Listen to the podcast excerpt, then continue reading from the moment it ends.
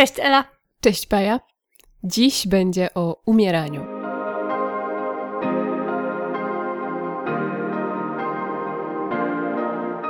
Cześć w kolejnym odcinku naszego podcastu.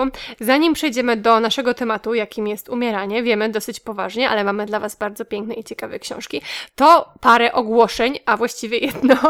E, ogłoszenie to brzmi, że zaczyna się niniejszym nasza przerwa wakacyjna. Oznacza to, że kolejne odcinki pojawią się dopiero we wrześniu, tak myślimy, taki jest plan. E, ale nie martwcie się, bo w międzyczasie najprawdopodobniej 7 sierpnia pojawi się odcinek, który, o ile dobrze wiemy, bardzo lubicie. E, jest to nasz e, wakacyjny wakacyjny dziennik, więc y, mniej więcej koło 7 sierpnia możecie się go spodziewać. Mamy nadzieję, że Wam się spodoba. No my jesteśmy bardzo podekscytowane, bo wakacyjny dziennik oznacza, że jedziemy na wakacje, więc e, no, więc y, coś takiego się na pewno pojawi ku Waszej i naszej uciesze, a przynajmniej tak myślę. E, a jeżeli komuś brakowałoby naszych głosów, to bardzo serdecznie zapraszamy e, na nasz profil na Patronite. Tam również znajdziecie specjalne nagrania dla naszych e, patronów i naszych matronek, więc to również jest opcja. Jeśli Was to interesuje, to wszystkie szczegóły na temat naszego Patronite'a znajdziecie w opisie odcinka. A teraz przechodzimy do naszego tematu. E, który wybrałyśmy na dzisiaj, a który urodził się właśnie w związku z dwoma książkami, które ostatnio przeczytałyśmy. Zaczniemy od Jacka Baczaka i zapisków z nocnych dyżurów. Ta książka, no, y, obie nas bardzo poruszyła. Tak.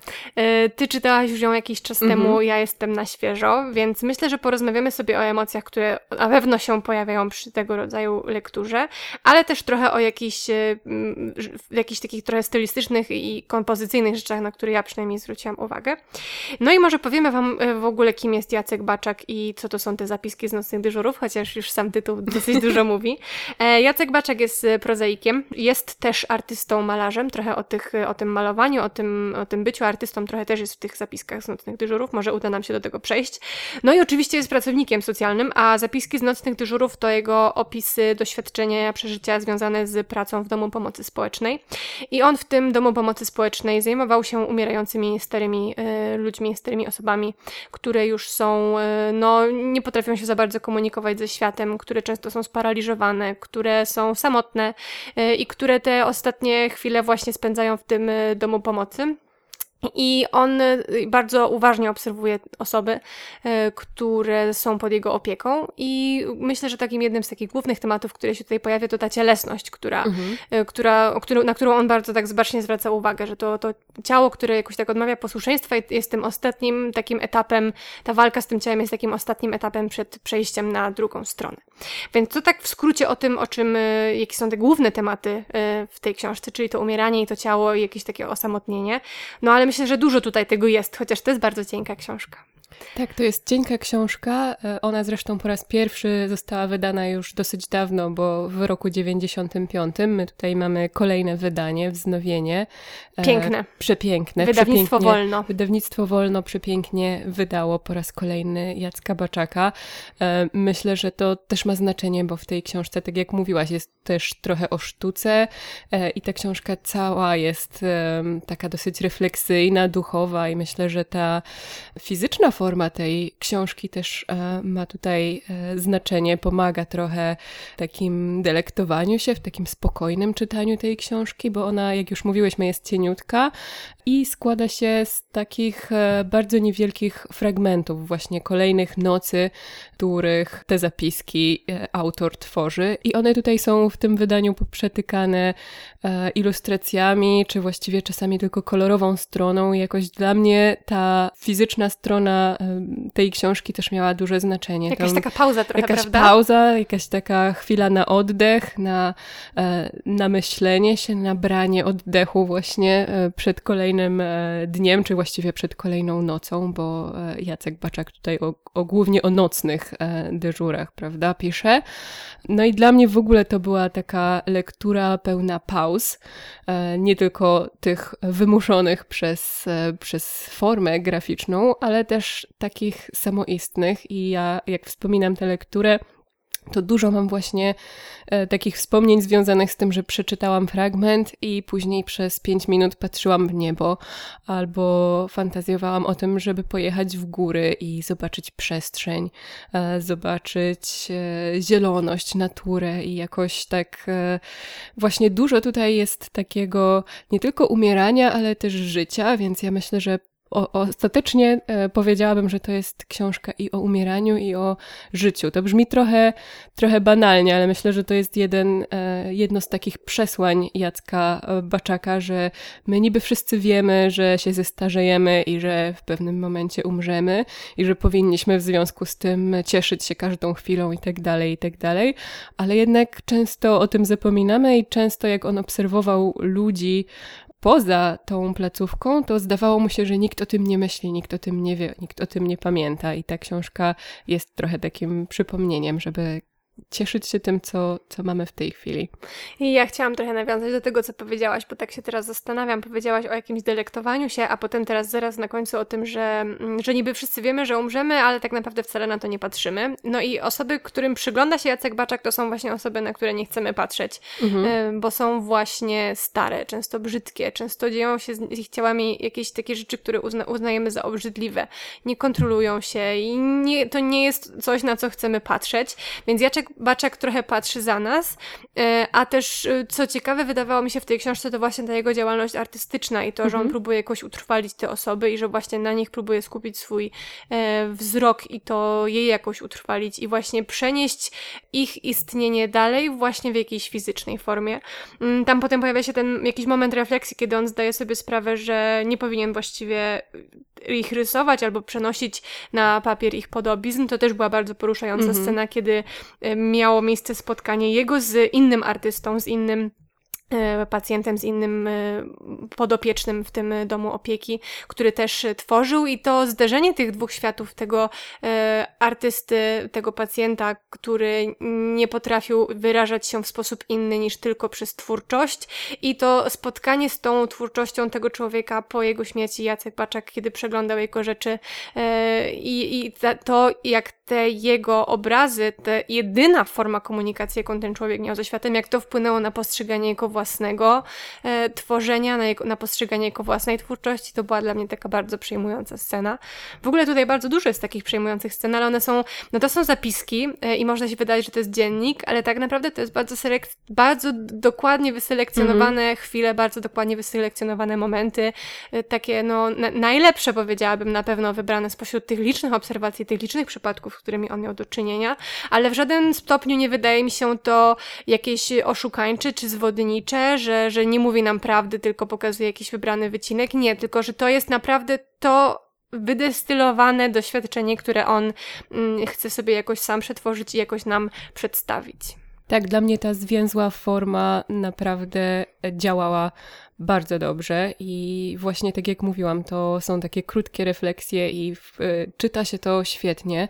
E, jest to też naprawdę napisane pięknym językiem, takim refleksyjnym, trochę poetyckim, e, trochę e, właściwie się zastanawiamy, czy ta książka jest bardziej o tych ludziach, których on obserwuje, czy o nim samym. On wtedy był młodym mężczyzną, więc mamy to zderzenie takie dosyć brutalne, myślę, człowieka człowieka, który e, jest młody, który myśli, że całe życie ma przed sobą, który z tą starością jeszcze właściwie nie miał za bardzo do czynienia. I sam się oswaja. I sam się oswaja, tak? dokładnie. I tego drugiego końca e, spektrum, więc myślę, że można powiedzieć, że ta książka jest e, równocześnie o umieraniu, ale też o wchodzeniu w życie i w oswajaniu się z tą myślą, że my cały czas się starzejemy i że gdzieś zmierzamy na ten, na ten drugi koniec koniec, więc tutaj bardzo różne te refleksje zmierzają w, w, różnych kierunkach.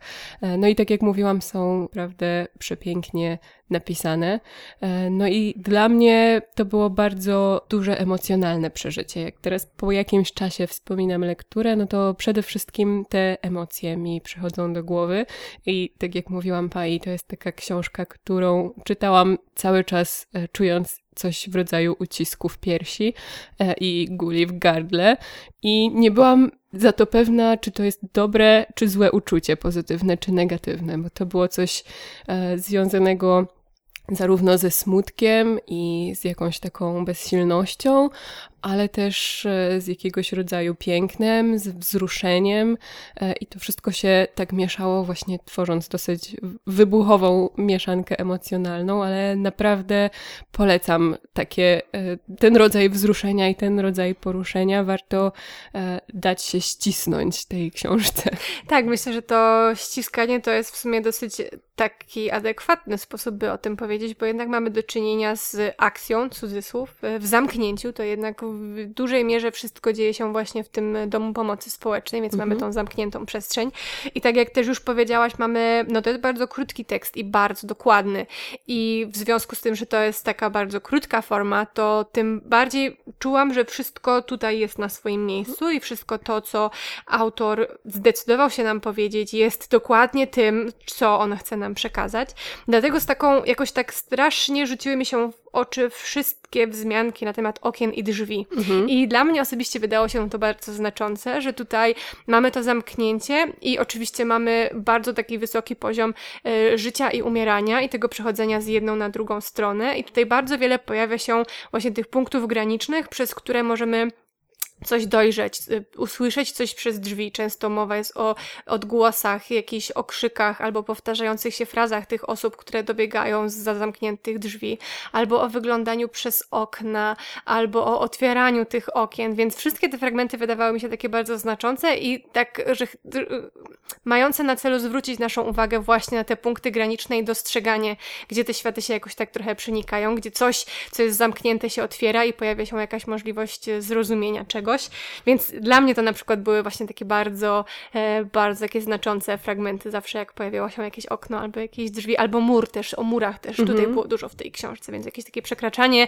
albo oddzielanie się trochę też, też o tym, żeśmy sobie już trochę rozmawiały, że patrzymy tak. czy nie patrzymy, prawda? Zwracamy uwagę czy nie zwracamy, wiemy czy nie wiemy, więc tutaj dużo tych właśnie takich um, z jednej strony ograniczników, a z drugiej strony punktów wejścia, tak jakbym tak powiedziała. Tak, myślę, że ta sztuka też jest takim o, tak, trochę no? oknem, prawda? Tak. Też można by to tak zinterpretować z jednej strony okno, z drugiej strony mur, bo powiedziałaś o tej konfrontacji, która tam się pojawia i o tym, czy ta sztuka rzeczywiście jest w stanie w ogóle nam jakoś pomóc w zrozumieniu czy w wyrażeniu niektórych rzeczy, więc myślę, że ta e, koncepcja twoja zamknięcia, otwarcia okien, drzwi i murów to jest coś, co, co bardzo ciekawie można zinterpretować w kontekście tej książki. No i wiem, że masz dla nas fragment tak, przygotowany. Znaczy obie zdecydowałyśmy, że byłoby, że byłoby fajnie coś przeczytać z tak, tej książki. E, to jest zapis z nocy 34. Wychodząc wcześnie rano po skończonym nocnym dyżurze, byłem zmęczony, ale też spokojny, uważny. Przekraczałem granice światów. Wszystko za murami wydawało się czyste i nieskazitelne. Jaśniejące niebo, zapach zimnego powietrza. Obietnica snu i czasu, kiedy nie muszę nic robić. Siedząc na przystanku na środku placu, przypuszczałem pierwszy autobus. Wpatrywałem się w niebo, wyobrażając sobie wolność jako czas na zachłyśnięcie się niebem, wielkimi przepaściami, urwiskami chmur i świecącymi dziurami, ciemnymi bryłami przelewającymi się powoli w jasność. W autobusie zasypiałem błyskawicznie. Budziłem się gwałtownie zawstydzony, uderzając głową o poręcz. Po pierwsze jest to piękny fragment moim zdaniem, jak cała ta mhm. książka, a po drugie są tu właśnie te rzeczy, na które jakoś tak zwracałam uwagę. Mamy tutaj ten mur i to granice światów i też ten autobus. Kurczę, ten autobus jednak wydaje mi się znaczący, że to jest te, to, to, ten taki środek, który przenosi cię z jednego miejsca do drugiego, że musisz jakoś tak fizycznie przekroczyć jakąś granicę. Nie wiem, już tutaj nie pójdę w jakiegoś Harona i przyjeżdżę, ale, ale no jakoś tak, nie wiem, jakoś ten autobus, autobus mi się jakoś wydaje tutaj ważny w tym kontekście, że to jest taki punkt, z którego się wybierasz w jednego miejsca w drugie i to takie właśnie tak granica między światami, między dniem a nocą. Jakoś to jest wszystko takie dla mnie bardzo podniosłe i ważne. Mnie się tutaj podobało to niebo, bo tak jak mówisz, to już jest noc 30, która? Czwarta? 34, tak. Czwarta, no więc już dosyć daleko, a ja właśnie od początku tej książki miałam jakąś taką potrzebę, żeby w to niebo się wpatrywać i też dostrzec te chmury, to światło, wszystko co się dzieje, e, jakieś takie proste, zwykłe rzeczy, które okazują się niezwykłe, więc podobało mi się, że, że to niebo rzeczywiście uczucie się tutaj też pojawia w tej książce i że autor miał podobne odczucia. Coś w tym niebie jest. Co, coś w tym niebie jest. No myślę, że w tym niebie jest wiele rzeczy, zwłaszcza, że no tutaj e, Jacek Baczek nie ukrywa jakiejś swojej duchowości i poszukiwania jakiegoś e, większego, czegoś ponad niego. Nie wiem, czy to, czy to Bóg, czy, czy jakiś większy byt, albo jakaś religijność i duchowość, więc to też jest bardzo ważny temat, którego myślę już nie poruszymy, bo już długo rozmawiamy. E, a jeszcze druga książka. A jeszcze druga książka. Tak czy inaczej, no myślę, że to jest naprawdę bardzo wartościowa i piękna lektura. Myślę, że to jest z takich książek, do których można wracać po latach i że to też jest ważne, w jakim momencie jesteś, kiedy ją czytasz i jakie mhm. masz doświadczenia i poglądy, takie nie, nie jakieś powiedzmy polityczne czy coś takiego, tylko po prostu jakieś takie przemyślenia na temat życia i tego, co jest wartościowe dla ciebie samej albo ciebie samego. Więc jakoś tak wydaje mi się, że to jest taka książka, którą można sobie tak y, przytulić ją sobie na, na wiele lat na półce. Tak bym powiedziała. Piękna, naprawdę piękna. A to wydanie jest po prostu kosmicznie piękne. Wydaje mi się, że to chyba jest edycja jubileuszowa, bo to po tych dwudziestu paru latach. Tak, no, więc... tak myślę. Piękne. Piękne, bardzo polecamy zapiski z nocnych dyżurów. Więc to było e, o umieraniu e, w wydaniu Jacka Baczaka, a teraz ty, Ela, masz dla nas książkę. Ja jeszcze jej nie czytałam, ale ty nam myślę trochę o niej opowiesz. Tak, nasza druga książka to Jak nie zabiłem swojego ojca i jak bardzo tego żałuję, Mateusza Pakuły. To jest oczywiście też o umieraniu, bo taki temat sobie dzisiaj wybrałyśmy, ale Tutaj mamy jednak zupełnie inne spojrzenie, zupełnie inny nastrój, zupełnie inny język tej książki, e, więc spróbuję trochę opowiedzieć, e, czym one się różnią od siebie. No wydaje mi się, że na pierwszy rzut oka już sam, sam tytuł, jakby tutaj mamy bardzo osobistą historię, to tak, jest chyba też tak. historia jakiejś takiej y, rodzinnej więzi i tego, co to umieranie dla rodziny znaczy, bo jednak Jacek Baczak wchodzi tak z zewnątrz yy, i może się od tego w każdej chwili odciąć, a tutaj wydaje mi się, że to odcinanie się nie jest takie proste i że to jest jeden pewnie z tematów tej książki. Tak, zdecydowanie chciałam od tego w sumie zacząć, że e, Mateusz Pakuła, jak już e, sam tytuł nam wskazuje, pisze o swoim ojcu.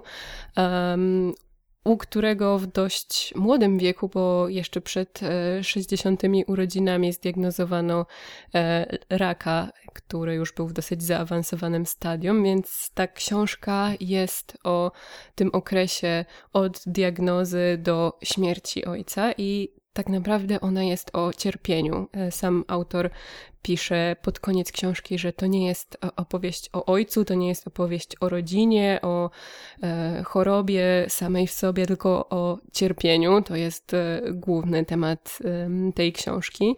E, no i tak jak mówisz, tutaj mamy więzi rodzinne. Ta, cała rodzina e, Mateusza Pakuły staje się bohaterką, czy poszczególni członkowie stają się bohaterami tej opowieści.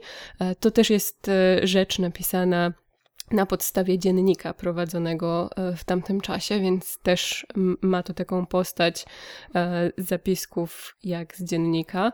Takich e, trochę na gorąco, trochę emocjonalnych. Tak, tak. I myślę, że też ta forma dziennika pokazuje taki dla mnie bardzo przejmujący sposób, jak codzienność i taka zwyczajność miesza się w tym, tym czasie z czymś zupełnie niecodziennym i czymś e, oderwanym całkowicie od tej codzienności, czyli z tym umieraniem i z tym cierpieniem. Więc e, w jednego dnia możemy mieć zapiski o tym, co się działo w pracy, albo co oglądali z bratem i o tym, co, um, co się działo w tym czasie z ojcem, gdzie był, jak cierpiał, co zostało u niego zdiagnozowane, jakie problemy kolejne z, związane z postępem choroby się pojawiły, więc ta, ta codzienność e, mieszająca się z tym potwornym cierpieniem to jest jeden z takich elementów, które e, naprawdę chwytają za gardło podczas lektury.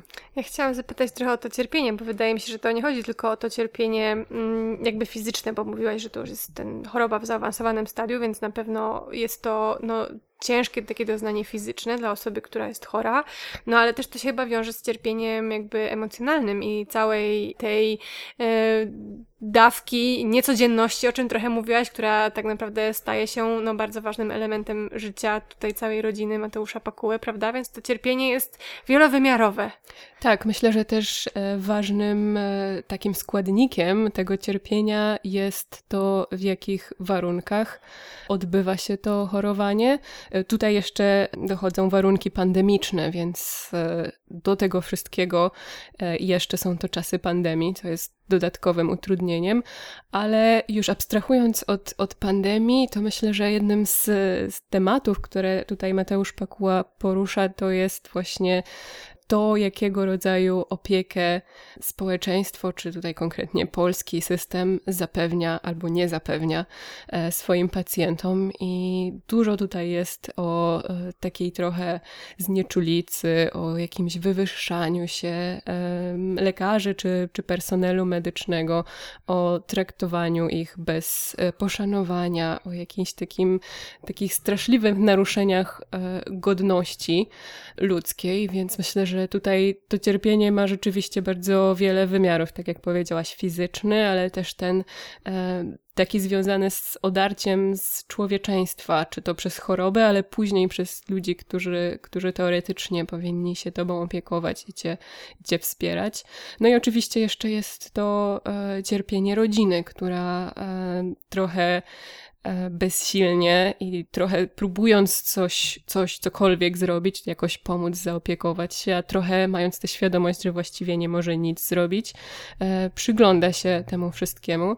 No i tutaj właśnie pojawia się ten e, tytułowy temat, jak nie zabiłem swojego ojca i, i to pytanie, czy właściwie, czy na pewno nic nie można zrobić i, i wchodzi oczywiście kwestia eutanazji e, i tego, że to jest e, w Polsce nielegalne. I mamy tutaj e, właściwie niewiele rozważań nad, nad samą eutanazją. Mateusz Pakuła pisze, że on ma nadzieję, miał nadzieję, że pojawienie się tej książki wzbudzi jakąś dyskusję na ten temat, jakąś debatę, ale niego właściwie nie ma argumentów za czy przeciw, nie ma jakichś rozważań wielkich ideologicznych. Myślę, że sam zapis tego, co się, co się działo, mówi dosyć e, sporo i mówi za siebie w tym, w tym temacie. Ja chciałam zapytać trochę mm, o język mhm. tej książki. Mówiłeś, powiedziałaś już, że to jest dziennik, więc y, ba bazowanie na, na zapiskach z dziennika, więc y, jakoś trochę już nam to wskazuje drogę, w którą można e, podążać stylistycznie, że jakieś takie bardzo chwilowe, pojawiające się z chwili na chwilę e, emocje albo bycie bardzo na świeżo po jakimś intensywnym przeżyciu. No ale też jest to już y, całość zebrana w jedną, w jeden zapisek i mamy tutaj do czynienia z bardzo poważnymi tematami z, z, którymi można sobie radzić na różne sposoby. E, pierwsze dwa, które przychodzą mi do głowy, to można iść w jakąś e, wzniosłość i starać się znaleźć jakieś odpowiedzi, nie wiem, czy to filozoficzne, czy duchowe, a w drugi sposób jakoś e, trochę spuścić emocje i używać humoru. I nie wiem, czy autor stosuje któreś z tych podejść, a może jakoś inaczej pisze o tych przeżyciach i o tym, czego doświadczyła jego rodzina i jego ojciec?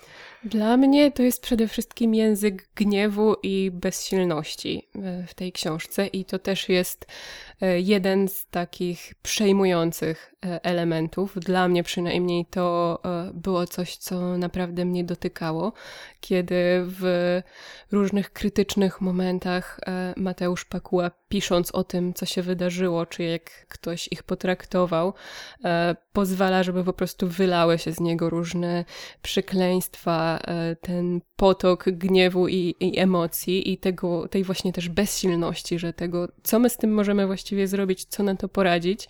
E, I tak sobie myślałam, e, że jeszcze parę lat temu może nie do końca bym rozumiała takie emocje i że ten język może uznałabym za jakiś zbyt dosadny e, czy zbyt wulgarny, e, ale mam takie, taką trochę smutną refleksję, że w ostatnich latach chyba wiele i wielu z nas poznało e, różnego rodzaju gniew i bezsilność i desperację i że ten język gniewu jakoś tak wszedł do e, szerszego użytku w Polsce i że, że wiele osób e, chyba doświadczyło takich emocji, które... I potrzeby, żeby i potrzeby. się pojawiły sposoby wyrażania tego, tych emocji. Tak, tak, żeby wyrażać e, te emocje trochę nie hamując się, bo hamowanie się prowadziłoby chyba do jakiegoś wewnętrznego wybuchu albo implozji. E, więc e, no, mam takie wrażenie, że ostatnie lata ze swoimi wydarzeniami, też w, w życiu wielu z nas, tak jak u, u Mateusza Pakuły, z wydarzeniami takimi bardzo intymnymi, bardzo osobistymi, doprowadziły do tego, że, że ten e, taki bardzo ostry, też przepełniony przekleństwami, czy jakimś takim E, żalem i złością język wchodzi faktycznie e, gdzieś, no tak jak tutaj, do literatury.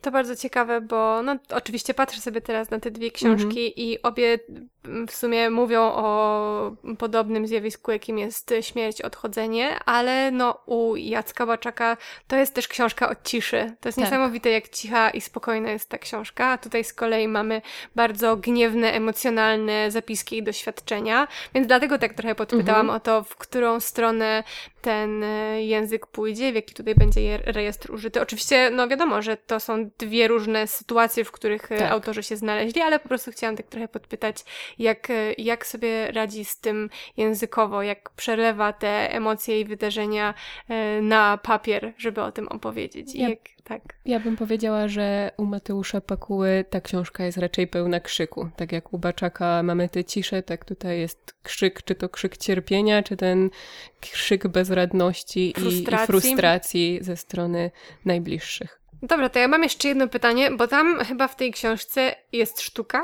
tak? Tak. tak. Co ona tam robi? E, o co chodzi? E, tak, tu jest e, sztuka, którą Mateusz Pakuła pisał w tamtym czasie, chyba w początkowym okresie e, po zdiagnozowaniu ojca.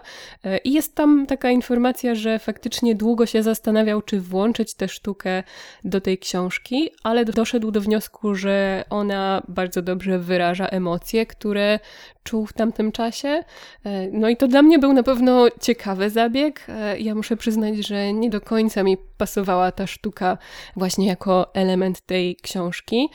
Ja pewnie bym zdecydowała, że lepiej by było bez niej, ale no myślę, że to na pewno jest też ciekawa rzecz w kontekście tego, o czym rozmawiałyśmy w, przy zapiskach z nocnych dyżurów, czyli ta sztuka, która e, z jednej strony jakoś e, może po, pozwala sobie z czymś e, poradzić, a z drugiej strony, która no, zawiera w sobie jakieś elementy tego, co się dzieje, co się dzieje wokół nas, co się dzieje z nami i może nawet w w tym przypadku niekoniecznie świadomie, czy nie, niecelowo jakieś emocje i jakieś przemyślenia związane z tym, co się działo w tej sztuce się pojawiły i były tam zawarte, więc e, jakby do mnie to za bardzo nie trafiło, ale myślę, że to jest e, w ogóle bardzo ciekawe spojrzenie przez e, sztukę tworzoną w danym momencie na to, co, co się dzieje z autorem, co się dzieje wokół niego. Dzięki za tą refleksję i za no trochę wyjaśnienie, co tam ta sztuka może robić według Ciebie. Mm, teraz tak się przyglądam, opowiedziałyśmy już o wydaniu zapisków z nocnych dyżurów, że piękne, naprawdę. W ogóle wydawnictwo Wolno wydaje przepiękne, przecudowne rzeczy. Bardzo Wam polecamy zapoznanie się tak. z e, ofertą wydawniczą e, tego wydawnictwa. No ale teraz sobie patrzę, bo Mateusz Pakuła to nisza. I czy to jest drzewo, jakieś takie stare drzewo podpierane? To jest dąb Bartek. To jest dąb Bartek? Mhm. Dobra, no to teraz ja już wszystko rozumiem. Jest, Dom Bartek jest również bohaterem tej książki. Naprawdę?